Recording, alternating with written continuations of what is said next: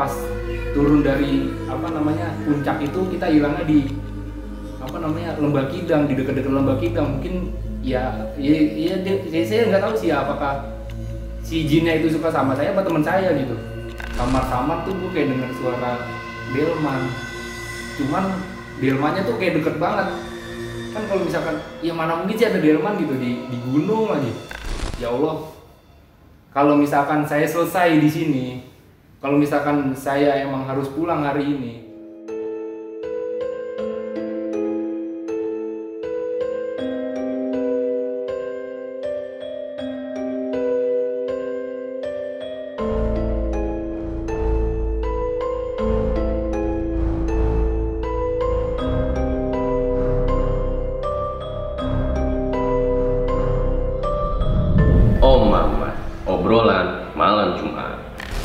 lagi bersama gua Fajar Aditya di sini di Om Mamat season 1. Dan di episode kali ini bukan sebuah episode biasa karena kita sudah kedatangan seorang narasumber yang mungkin saja kalian akan merinding ketika mendengarkan ceritanya.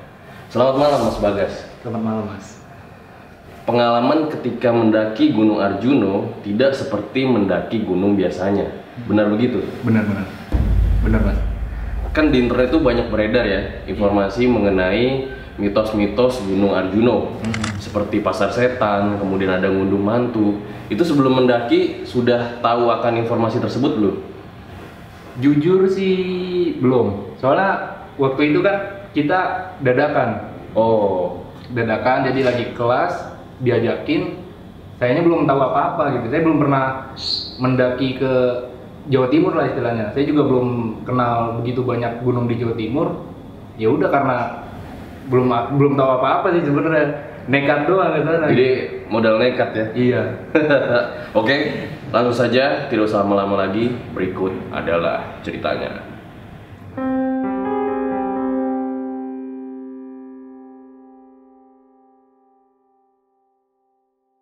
Eh, jadi cerita ini tuh dimulai sekitar tanggal 28 September 2018 sekitar setahun yang lalu sih.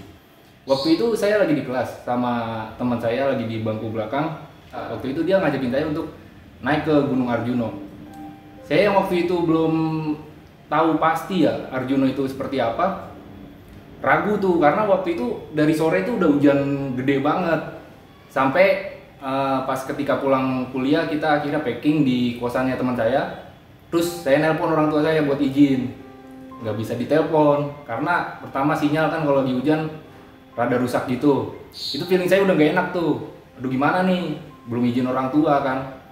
Ya udah akhirnya dengan modal nekat dengan duit seadanya dan pengetahuan tentang gunung itu yang sangat minim akhirnya saya berangkat juga waktu itu. Sekitar jam 8 malam waktu itu hujan udah mulai reda. Saya berangkat dari Malang menuju ke base camp Gunung Arjuno yang di Tretes itu di Pasuruan daerah Purwosari. Saya jalan. Di jalanan itu untungnya nggak ada kendala apa-apa. Sampai di Purwosari itu sekitar jam 10 atau jam 11 gitu. Suasana base camp itu rame. Karena kan di sekitar base camp itu ada villa dan ada banyak apa tukang jualan. Akhirnya kita ngopi dulu tuh karena kan dingin ya dingin habis hujan kita jalan jauh. Kita ngopi dulu sambil ngerokok ngerokok sambil ngobrol-ngobrol sampai jam 12 malam. Jam 12 malam kita sampai di base camp. Di situ saya ngeliat kok base campnya kayak gini? Nggak kayak base camp gunung gunung lain gitu. Sepi nggak ada orang gitu. Yang pos penjagaannya pun nggak ada orang gitu. Biasanya kan kalau base camp itu ada pendaki tidur atau ada pendaki yang pengen naik tapi di situ nggak ada. Motor pun cuman sedikit gitu. Saya bingung. Akhirnya ada warung di depan base camp itu yang masih buka yang jaga bapak-bapak. Saya tanya sama bapak-bapaknya pak kalau misalkan saya naik gunung ini malam ini itu kayak gimana? Terus kata dia nggak bisa mas. Karena suasana udah terlalu malam gitu katanya. Dan gunung ini pun baru kebakaran dua minggu yang lalu makanya belum ada yang naik gitu. Dia nyuruh kita pulang pulang malam itu balik lagi besok pagi kata gitu. Karena kita perjalanan yang nggak dekat dan juga udah ngabisin duit lumayan banyak. Akhirnya saya minta izin tuh buat nginep di base camp. Saya bilang pak kalau misalnya saya nginep di base camp ini aja gimana? Saya bangun tenda depan base camp gitu. Untungnya boleh gitu. Akhirnya ya udah malam itu kita bermalam di sana. Cuman karena pertama saya gak nyaman juga sama suasana base camp dan perasaan saya juga udah ganjel dari pas awal kita berangkat saya nggak bisa tidur. Tiba-tiba jam 3 malam sekitar jam 3 malam ada rombongan anak-anak. Rombongan anak-anak pakai mobil rame. Satu di antaranya tuh ngetok tenda kita. Teman saya lagi tidur. Saya bangunin. Saya keluar ada satu anak bilang sama saya mas saya pengen ke gunung penanggungan boleh nggak? Terus saya bilang ini bukan jalur penanggungan deh gitu. Jalur penanggungan itu di sebelahnya gitu. Ini tuh ke Arjuno saya bilang gitu. Terus katanya gini tapi saya pengen ke Arju eh saya pengen ke penanggungan malam ini bisa nggak? Gitu. Nggak bisa kalau lewat sini. Lagian juga uh, Arjuno itu baru kebakaran. Lagi juga penanggungan bukan lewat sini deh saya bilang gitu. Terus dia tetap maksa gitu. Sampai temannya lagi satu lagi datang. Maksa-maksa saya mau naik. Saya bilang bukan saya yang bukan saya yang ngatur gitu. Itu ada bapak-bapak coba tanya sama beliau. Akhirnya dia ngobrol sama bapak-bapaknya. Dan di luar dugaan bapak-bapaknya ngebolehin dia naik ke Arjuno padahal tujuan dia pertamanya itu ke penanggungan. Dan saya waktu itu pengen naik malam itu juga. At least saya nyampe pos 1 lah. Saya baru bermalam di pos 1 tapi dia boleh gitu dengan pakaian yang bukan pendaki lah. Pakai kaos pakai celana jeans biasa dan sepatu dia boleh naik malam itu. Saya bingung kan ini kok kayak gini sistemnya gitu. Dia juga nggak bayar si maksi gitu. Saya tidur paginya sekitar jam 6 saya bangun. Kita nyari sarapan di warung bapak tadi. Di warung itu saya ketemu sama bapak-bapak. Saya ngobrol katanya dia dari Rawamangun. Umurnya udah sekitar 70 tahun lah. Dia sama temennya dari Pandaan dia mendaki Gunung Arjuno katanya terus ya udah cerita cerita setelah makan sekitar jam 7 kita beres-beres tenda si bapaknya udah duluan. Di situ nggak ada orang lain selain saya teman saya dan bapak-bapak itu. Nggak beberapa lama sekitar jam setengah delapanan saya naik. Saya bayar si maksi nggak ada nama lain selain bapak-bapak itu. Nggak ada nama lain. Karena memang masih pagi masih pagi banget gitu. Kita lanjut di perjalanan sih aman-aman aja. Sampai ke, hampir ketemu kop-kopan kita ketemu satu pendaki. Saya nggak tahu itu pendaki dari mana. Dia lagi lagi jalan sendiri saya ajak ngobrol. Mas sendirian? Iya gitu. Ya udah ngobrol biasa. Akhirnya kita duluan. Pas sebelum sampai kop-kopan saya dengar ada suara beberapa orang. Tahunya ada lima orang. Di samping sumber air itu lagi ngobrol buka tenda lagi ngopi-ngopi lah saya tegur mereka tuh semuanya ketawa-tawa. Yang bikin saya aneh tuh muka mukanya tuh kosong. Mukanya kosong pucet. Saya biasa aja kan mungkin ya mungkin kedinginan atau mungkin lagi sakit gitu ya. Saya tegur mereka nggak jawab. Cuman ketawa cuman ngangguk. Ah iya gitu. Sambil terus ngobrol gitu. Terus saya bilang wah ini gimana? gitu. Pas setelah saya ngobrol sama mereka tiba-tiba kabut turun. Tebel banget. Akhirnya kita memutuskan untuk istirahat dulu lah di kokopan sambil ngisi air sambil ngerokok-ngerokok. Sekitar setengah jam lah sampai kabutnya tuh bener-bener hilang baru kita jalan. Pas kita jalan kita sapa lagi tuh orang yang di kokopan. Mas kita duluan gitu. Nggak dijawab. Mereka tetap ngobrol gitu. Kayak mereka tuh nggak ngeliat kita gitu. Ya udah kita jalan. Di, di tengah jalan teman saya bilang gini perasaan yang naik sama kita itu cuman berempat gitu. Sebelum kita tuh nggak ada orang cuma bapak-bapak itu tadi dan bapak-bapaknya itu nggak nggak ketemu sama kita. Biasanya kan bapak-bapak udah 70 tahun ya. Harusnya kan jalannya pelan gitu. Ketemu lah di jalur tapi nggak ketemu sama sekali. Akhirnya ya udah kita jalan terus. Alhamdulillah aman. Sampai sebelum ke pondokan. Pondokan itu tempat shelter kita tempat kita diri tenda. Itu kita istirahat di samping jurang jurangnya tuh bagus banget. Bener-bener bagus. Kayak di dongeng lah gitu. Kayak emang itu tuh bukan bukan jurang gitu tapi emang bagus banget jurangnya. Di bawahnya ada ada sungai ngalir terus ada banyak pohon ada burung-burung gitu. Kita istirahat di situ sampai jam 5 karena perjalanan ke pondokan saya pikir udah dikit lagi istirahat lumayan lama di itu setelah istirahat lumayan lama kita baru lanjut jalan lagi. Kita naik ke pondokan dan di pondokan itu nggak ada orang sama sekali.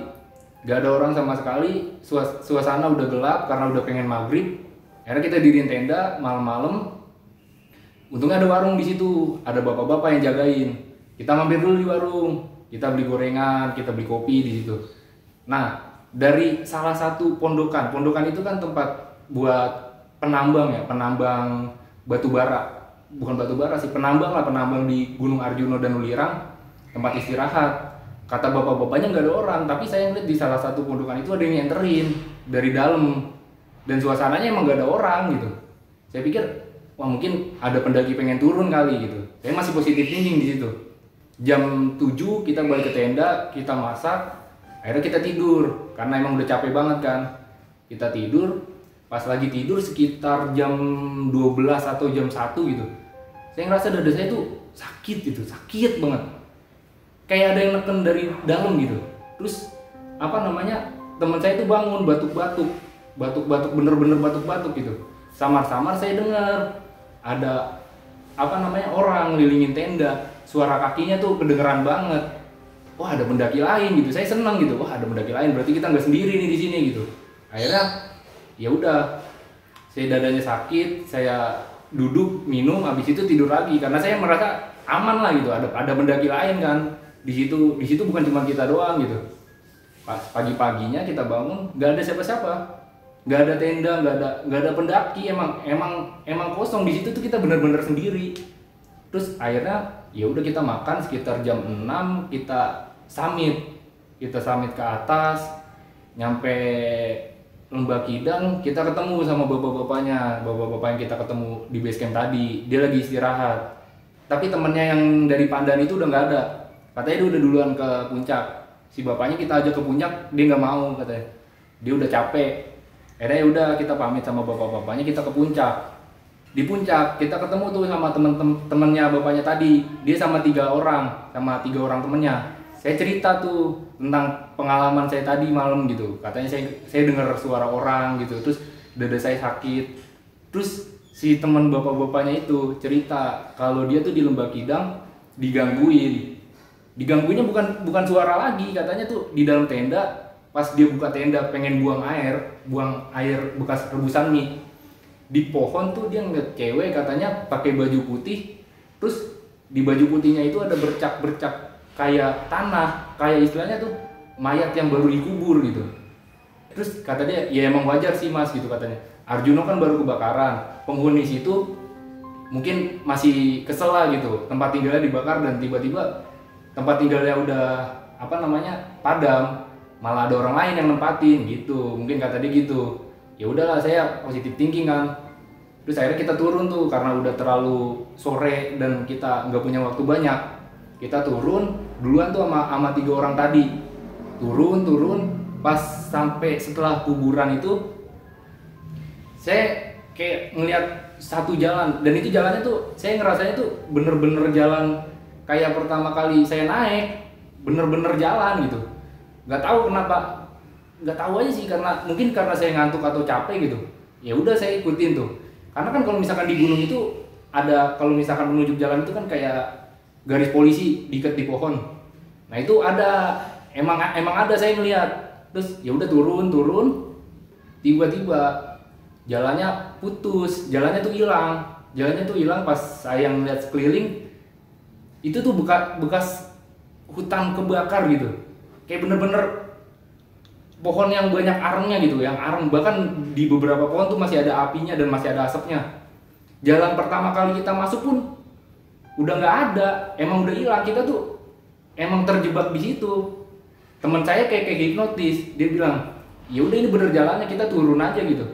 Nggak bisa. Saya ngeliat tuh kalau di bawahnya itu jurang yang tadi saya lihat sebelum sampai kop-kopan saya bilang enggak kita nggak boleh turun di sini gitu. Ini tuh bukan jalannya kata dia.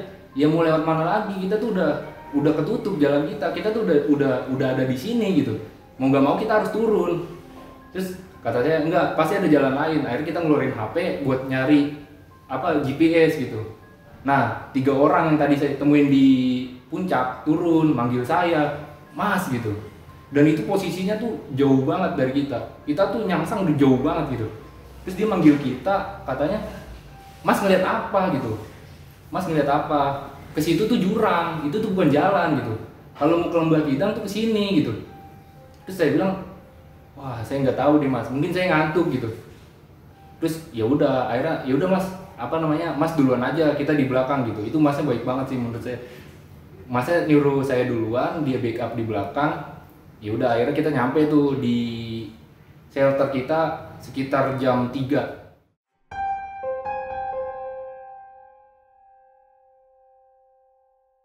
ada bapak-bapak nyamperin kita ke tenda. Dibilang gini masa baru sampai. Saya bilang enggak pak. Kita baru kita baru turun dari puncak. Kita pengen pulang gitu katanya. Terus muka dia langsung langsung tegang. Ah mau mau turun? Gitu. Ya udah kalau bisa sampai kop-kopan itu sebelum maghrib. Takut nanti anak-anak keburu naik. Saya bilang anak-anak siapa gitu? Anak-anak siapa? Terus dia nggak jawab. Pokoknya sampai kop-kopan sebelum maghrib dikasih jalan sama dia. Katanya kamu motong jalur aja di sini di sini di sini gitu katanya. Nanti kamu sampai kop-kopan tuh sebelum maghrib. Ya udah kita pamit gitu karena kita udah terlalu sore dan saya juga nggak mau kejebak malam di jalur. Masih jam 4 sore lah waktu itu. Kita lewat jalur yang ditunjukin sama si bapak tadi kita lewat jalur kita potong kita potong jalurnya. Tiba-tiba setelah keluar dari jalur yang ditunjukin sama bapak-bapak itu tadi azan maghrib. Dan kita belum sampai kop-kopan. Itu azan maghrib terus kita saya sama teman saya lihat-lihatan. Ini gimana nih kita sebelum maghrib? Eh kita maghrib di jalur gitu. Kita belum nyampe kop-kopan. Terus katanya ya udahlah nggak apa-apa kali gitu. Saya bilang anak-anaknya siapa itu ya? Katanya mungkin apa namanya bapak itu ini kali pembina pembina pecinta alam gitu. Anak-anaknya pada naik. Karena terlalu rame makanya kita nggak boleh sampai maghrib gitu. Takutnya rame di kop-kopannya kita nggak bisa ngambil air. Terus katanya iya bener juga sih gitu. Akhirnya ya udah kita santai kita nungguin azan selesai kita turun. Pas kita nyampe kop-kopan tuh udah isya. Suasana kop-kopan tuh udah gelap banget gak ada orang sama sekali. Terus juga kabut tipis-tipis saya bilang ini gimana? Kita ngambil air apa enggak? Gitu. Nggak usah kata gitu. Udah kita kita apa namanya kita manfaatin aja air yang kita yang kita punya gitu. Udah kita ngerokok aja di sini dulu kita istirahat sambil nungguin ajan ya udah kita istirahat. Siapa tahu kan si bapak-bapak yang ketemu kita tadi itu juga turun gitu. Saya bilang sama teman saya udah kita jalan aja gitu. Nanti keburu malam besok kan kita masih kuliah saya bilang gitu. Ya udah kita turun. Saya pikir udah selesai tuh terornya ternyata belum pas perjalanan turun kan gelap tuh. Saya pak saya nggak bawa headlamp saya pakai flash HP saya ngerasa tuh dari belakang saya ada yang nyenterin ada yang nyenterin kita. Dan dan saya denger denger jelas tuh ada ada orang ngikutin saya gitu. Dan itu kan gak ada angin ya. Saya nggak tahu sih malam tuh saya ngerasa tuh nggak ada angin sama sekali. Tapi di semak-semak itu kayak ada yang ngeliatin kita kita kalian tahu kan kalau misalkan ada orang ngeliatin kita kan ngerasa gitu ya. Kalau hewan ngeliatin kita ya biasa aja gitu. Cuman kalau ada sesuatu ngeliatin kita pasti kan kita ngerasa gitu ya.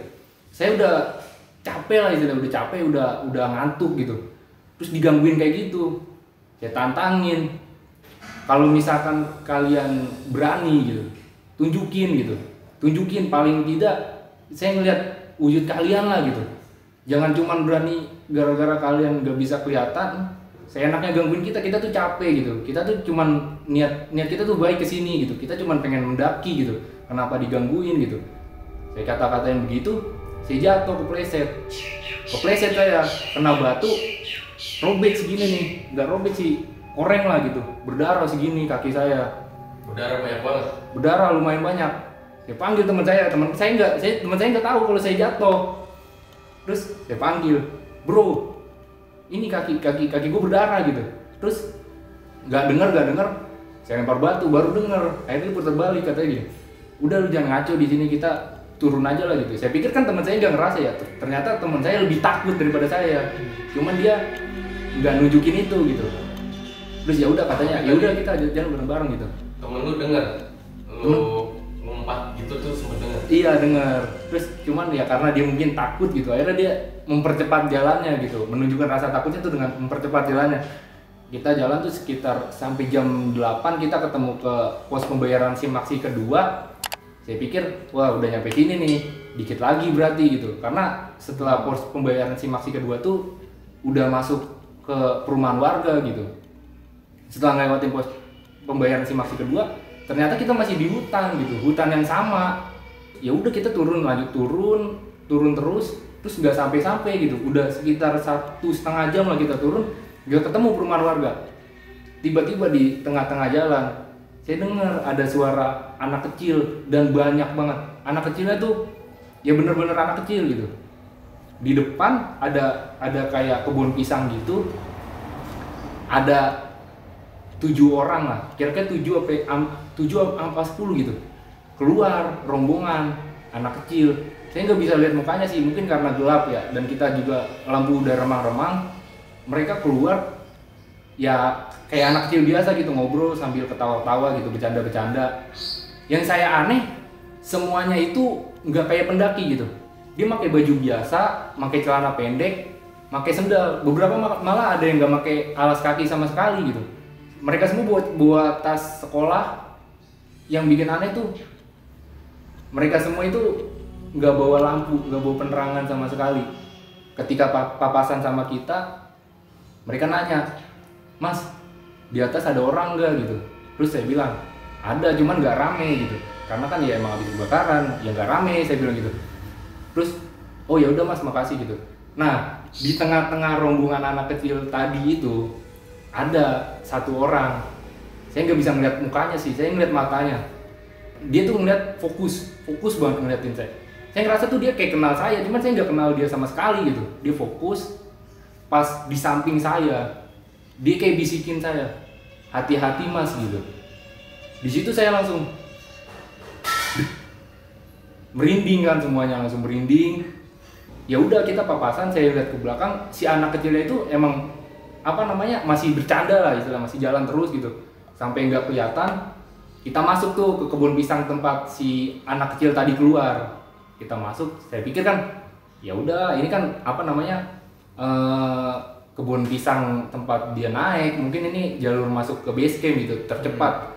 Kita masuk itu tempatnya tuh hampir sama kayak tempat teman saya sakit waktu pagi hari kemarin saya pikir wah iya nih udah udah dikit udah dikit lagi. Tapi yang yang yang bikin saya aneh tuh teman saya sakit kan sebelum perumahan eh sebelum kampung warga gitu. Tapi kita nggak ketemu kampung sama sekali gitu. Kok tiba-tiba kita udah nyampe sini gitu? Ya udahlah mungkin ya emang udah jalan pintas kan kita kita nemu jalan pintas gitu. Ya udah kita puter kita terus jalan sampai kita ketemu sama satu lorong. Bukan lorong sih kayak ini pohon pisang nih lebat. Ini pohon pisang lebat. Nah tengah-tengahnya ada jalur. Dan itu gelap banget. Gelapnya tuh beda sama gelap kita tempat kita berdiri. Itu gelap banget.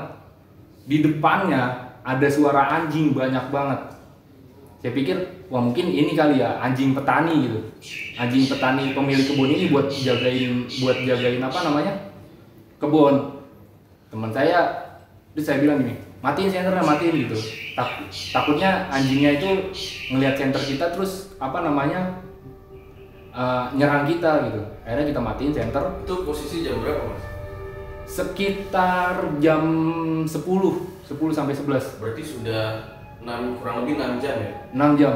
Kita di perjalanan turun tuh 6 jam. Yang seharusnya cuma 2 atau 3 mungkin. Dua atau tiga. Normal dua atau tiga. Tapi kita udah 6 jam gitu. Sebenarnya udah aneh banget sih itu Kondisi di Arjuna itu cerah kan? Cerah. hujan sama sekali ya. nggak ada hujan sama sekali. Akhirnya ya udah. Teman saya ngeluarin pisau lipat kita bingung. Tapi masih bingung tuh. Kita udah megang pisau lipat satu-satu. Saya saya bilang gini gimana nih kita lewat situ apa enggak? Terus kata teman saya yaudah kita cari jalan alternatif lah. Kita cari tuh kita puterin tuh kebun ceritanya dan nggak ada nggak ada nggak ada jalan sama sekali. Itu tuh saya ngerasa tuh kebun kebun pisangnya tuh kayak kotak gini. Dan nggak ada jalan sama sekali selain lorong itu. Tempat kita pertama masuk pun udah nggak ada. Udah hilang gitu. Saya bilang "Gima- gimana nih kita lewat situ? Iya udah kita lewat situ. Sebelum kita masuk saya berdoa ya Allah kalau misalkan saya selesai di sini kalau misalkan saya emang harus pulang hari ini tolong bilang sama keluarga saya sama orang-orang yang saya sayang sama orang-orang yang sayang sama saya tolong saya sayang sama mereka semua saya bilang gitu. Maaf saya belum bisa jadi yang terbaik buat mereka saya bilang gitu. Kalau misalkan saya emang selesai di sini dan emang harus pulang hari ini gitu. Terus tiba-tiba setelah selesai doa teman saya ngelihat parit ngelihat kayak got gitu got gede. Terus kata teman saya ah itu ada parit gitu kita ikutin aja parit itu gitu kan. Soalnya kan kita ngerasa parit kalau dari atas gunung itu pasti nembusnya ke pemukiman warga harusnya. Ya udah kata teman saya ya udahlah lebih aman lewat parit gitu katanya daripada kita harus ngelewatin anjing-anjing itu kata gitu. Jadi kita akhirnya lewat parit lumayan jauh sekitar 10 sampai 20 meter gitu. Kita ngeliat kayak jembatan cuman jembatannya itu tinggi tinggi banget gitu. Harus digendong lah buat nyampe ke atas jembatan itu. Bantu membantu gitu buat naik ke atas jembatan itu pas kita udah nyampe atas jembatan kita ngeliat sekeliling bener kampung. Cuman kampungnya itu kayak kampung mati gitu. Kampung. Kampungnya itu hidup cuman nggak ada orang hidup di sana. Gue ngeliat tuh di samping parit itu kayak ada kos-kosan. Kos-kosan cuman nggak ada motor nggak ada kehidupan cuman banyak sampahnya. Kayak tuh kos-kosan itu bekas kena badai gitu. Dan orang-orangnya tuh hanyut di bawah badai gitu nggak ada sama sekali. Di depannya ada warung warungnya buka. Di dalamnya ada TV nyala. Cuman nggak ada orang sama sekali. Feeling gue gak enak nih sama kampung ini gitu. Terus akhirnya ya udahlah kita turun sambil nyari sinyal gitu. Kita turun itu masih kebun sekitar kampung itu. Dan jarak rumah jarak antar rumahnya itu jauh banget. Kita turun ketemu sama perempatan. Jadi ada dua perempatan. Kita nungguin di situ nungguin orang. Ceritanya pengen nanya terus akhirnya ada orang keluar dari dari depan kan ada ini ini perempatan ini perempatan depannya ada belokan. Ada orang keluar dari belokan. Saya tungguin kan saya pikir oh ini orang pengen naik nih kayaknya nih. Kita nanya sama dia kali ya. Tapi orang itu belok sini rame terus gitu. Banyak orang yang tapi beloknya ke depan ke perempatan depan terus gitu dari sini belok sini dari sini ke, ke bawah. Nggak ada yang ke kita. Akhirnya saya bilang gini kayak kita harus turun ke bawah deh soalnya orang dari tadi belok situ terus gitu. Kita turun orangnya tuh dari atas malah dari atas terus beloknya ke perempatan yang kita tunggu di atas tadi gitu. Kita tunggu di bawah orangnya dari situ yang dari sini udah nggak ada lagi. Orangnya dari situ terus terus terus. Saya bilang gini wah ini aneh nih ini ini udah nggak bener gitu. Kayaknya kita harus cari jalan sendiri deh. Kita harus cari jalan sendiri. Akhirnya pas di Maksudnya lu lihat orang iya jalan banyak gitu. bukan banyak jadi kayak satu orang belok terus nggak lama belok lagi gitu. Orang lu kelihatan. enggak sih bukan gua gua ngelihat orangnya cuman gua nggak tahu itu orang apa bukan bajunya tuh bukan baju bukan baju kayak orang zaman sekarang ya bajunya tuh kayak baju orang desa zaman dulu ba- baju dalang kebaya ke, kayak ceweknya bukan kebaya sih kayak baju baju petani zaman dulu lah terus akhirnya pas di perempatan itu kan ada belokan ke kiri. Di depannya ada suara anjing lagi tapi ada rumah. Nggak kelihatan anjing cuman ada suara anjing gitu.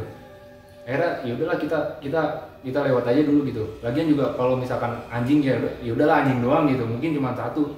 Tapi kedengeran tuh banyak gitu. Akhirnya kita lewat ternyata anjingnya di dalam gitu di dalam rumah. Ya aman lah istilahnya. Tapi setelah kita lewat rumah itu itu kan langsung berderet tuh rumah tuh ya itu dari setiap rumah langsung keluar anj- langsung keluar suara anjing. Suara anjing tuh langsung banyak banget gitu keluar dari rumah-rumah tuh kayaknya setiap rumah tuh ada anjingnya gitu. Bahkan ada rumah tingkat anjingnya tuh di atas. Kan aneh banget anjing tuh di atas gitu. Buat apa anjing ditaruh di atas? Anjing tuh buat jaga di bawah kenapa ditaruh atas gitu?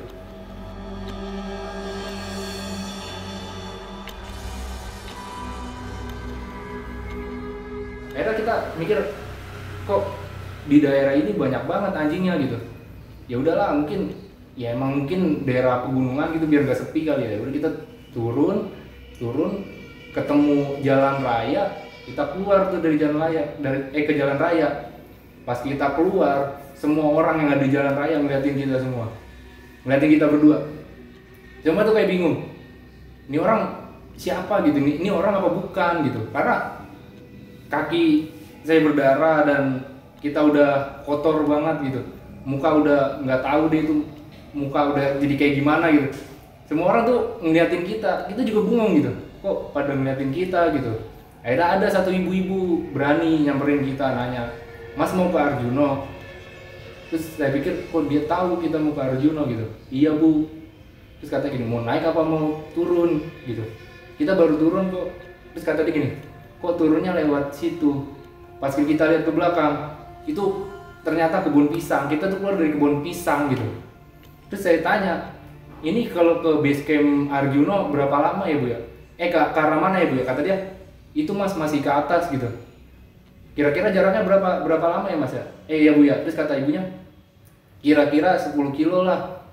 Terus langsung kita tuh kok kita bisa hilang dari jauh eh dari jalur sejauh itu? Gitu. Perasaan kita kayak apa namanya? Melewati jalur yang benar gitu. Akhirnya ya udahlah. Saya tanya kalau angkot jam segini ada ada nggak bu ya? Terus katanya nggak ada mas. Jam segini tuh udah nggak ada angkot. Pas lihat jam itu udah jam 12 atau jam satu malam gitu.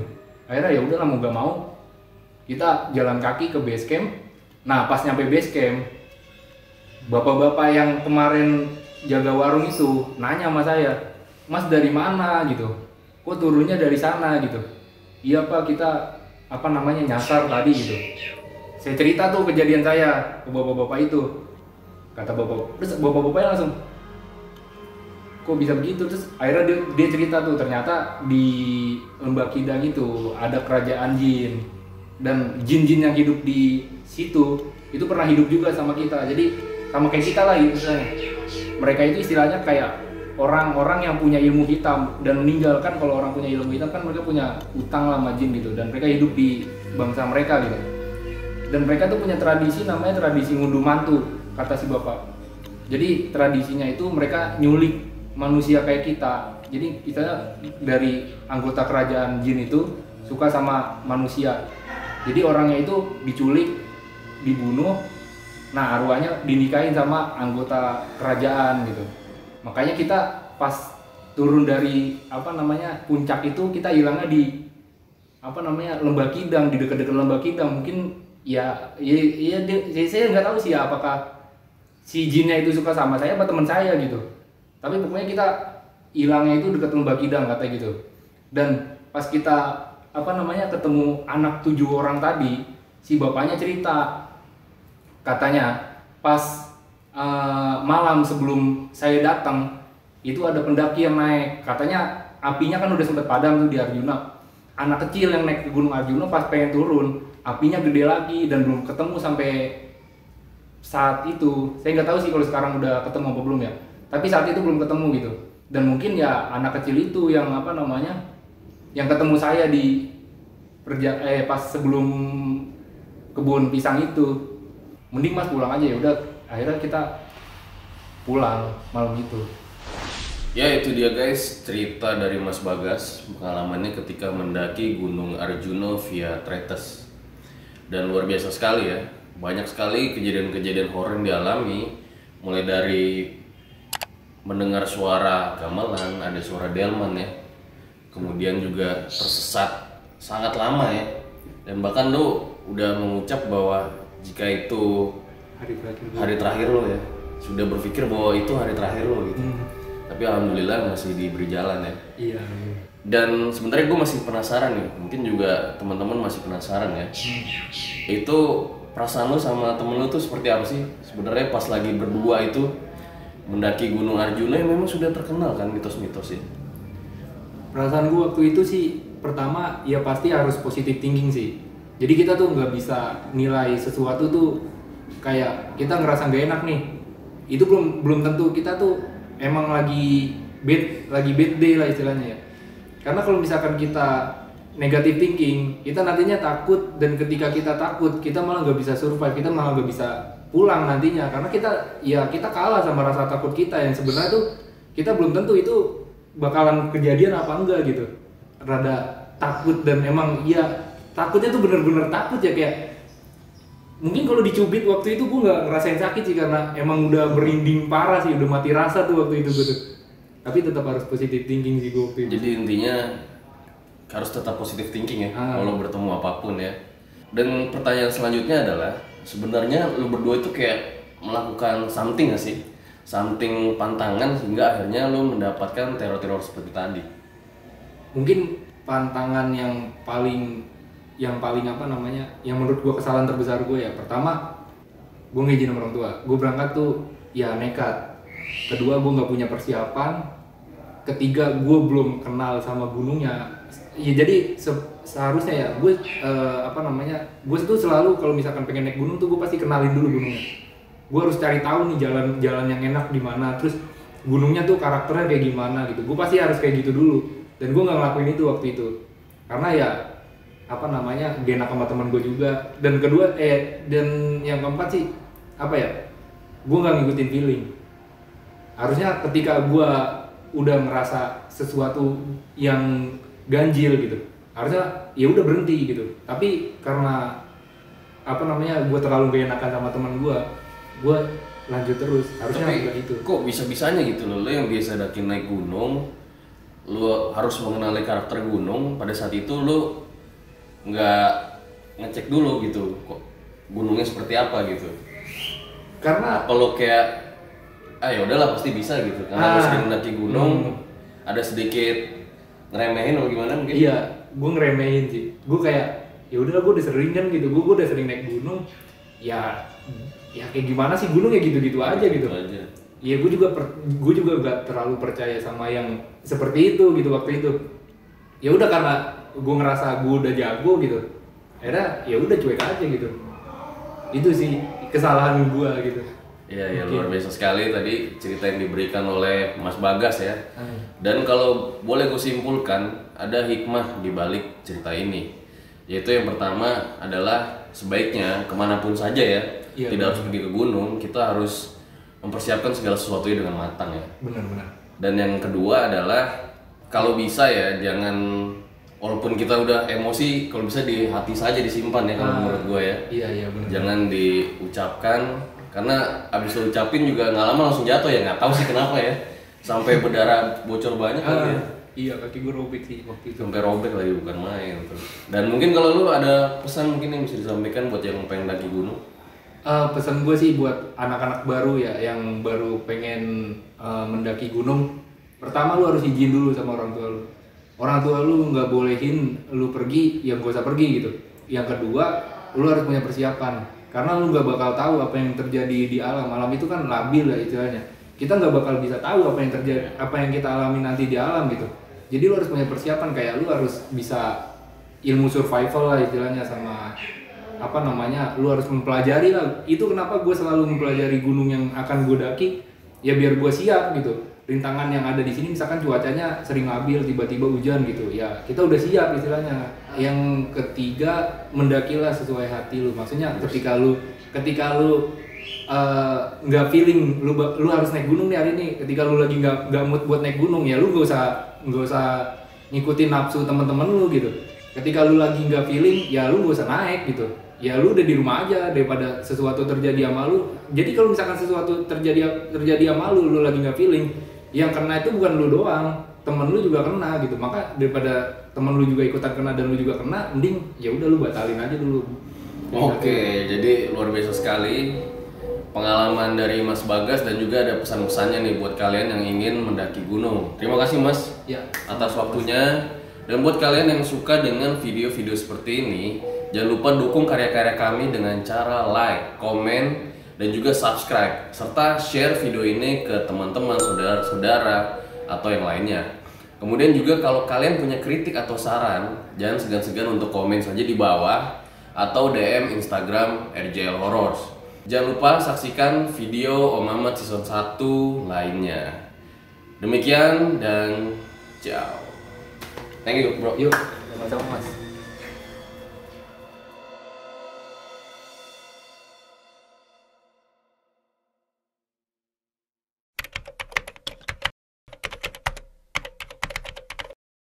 Oh ya satu lagi pas gua lagi di pondokan tuh lagi gong camp malam sekitar jam 2 atau jam 3 samar-samar tuh gua kayak denger suara delman.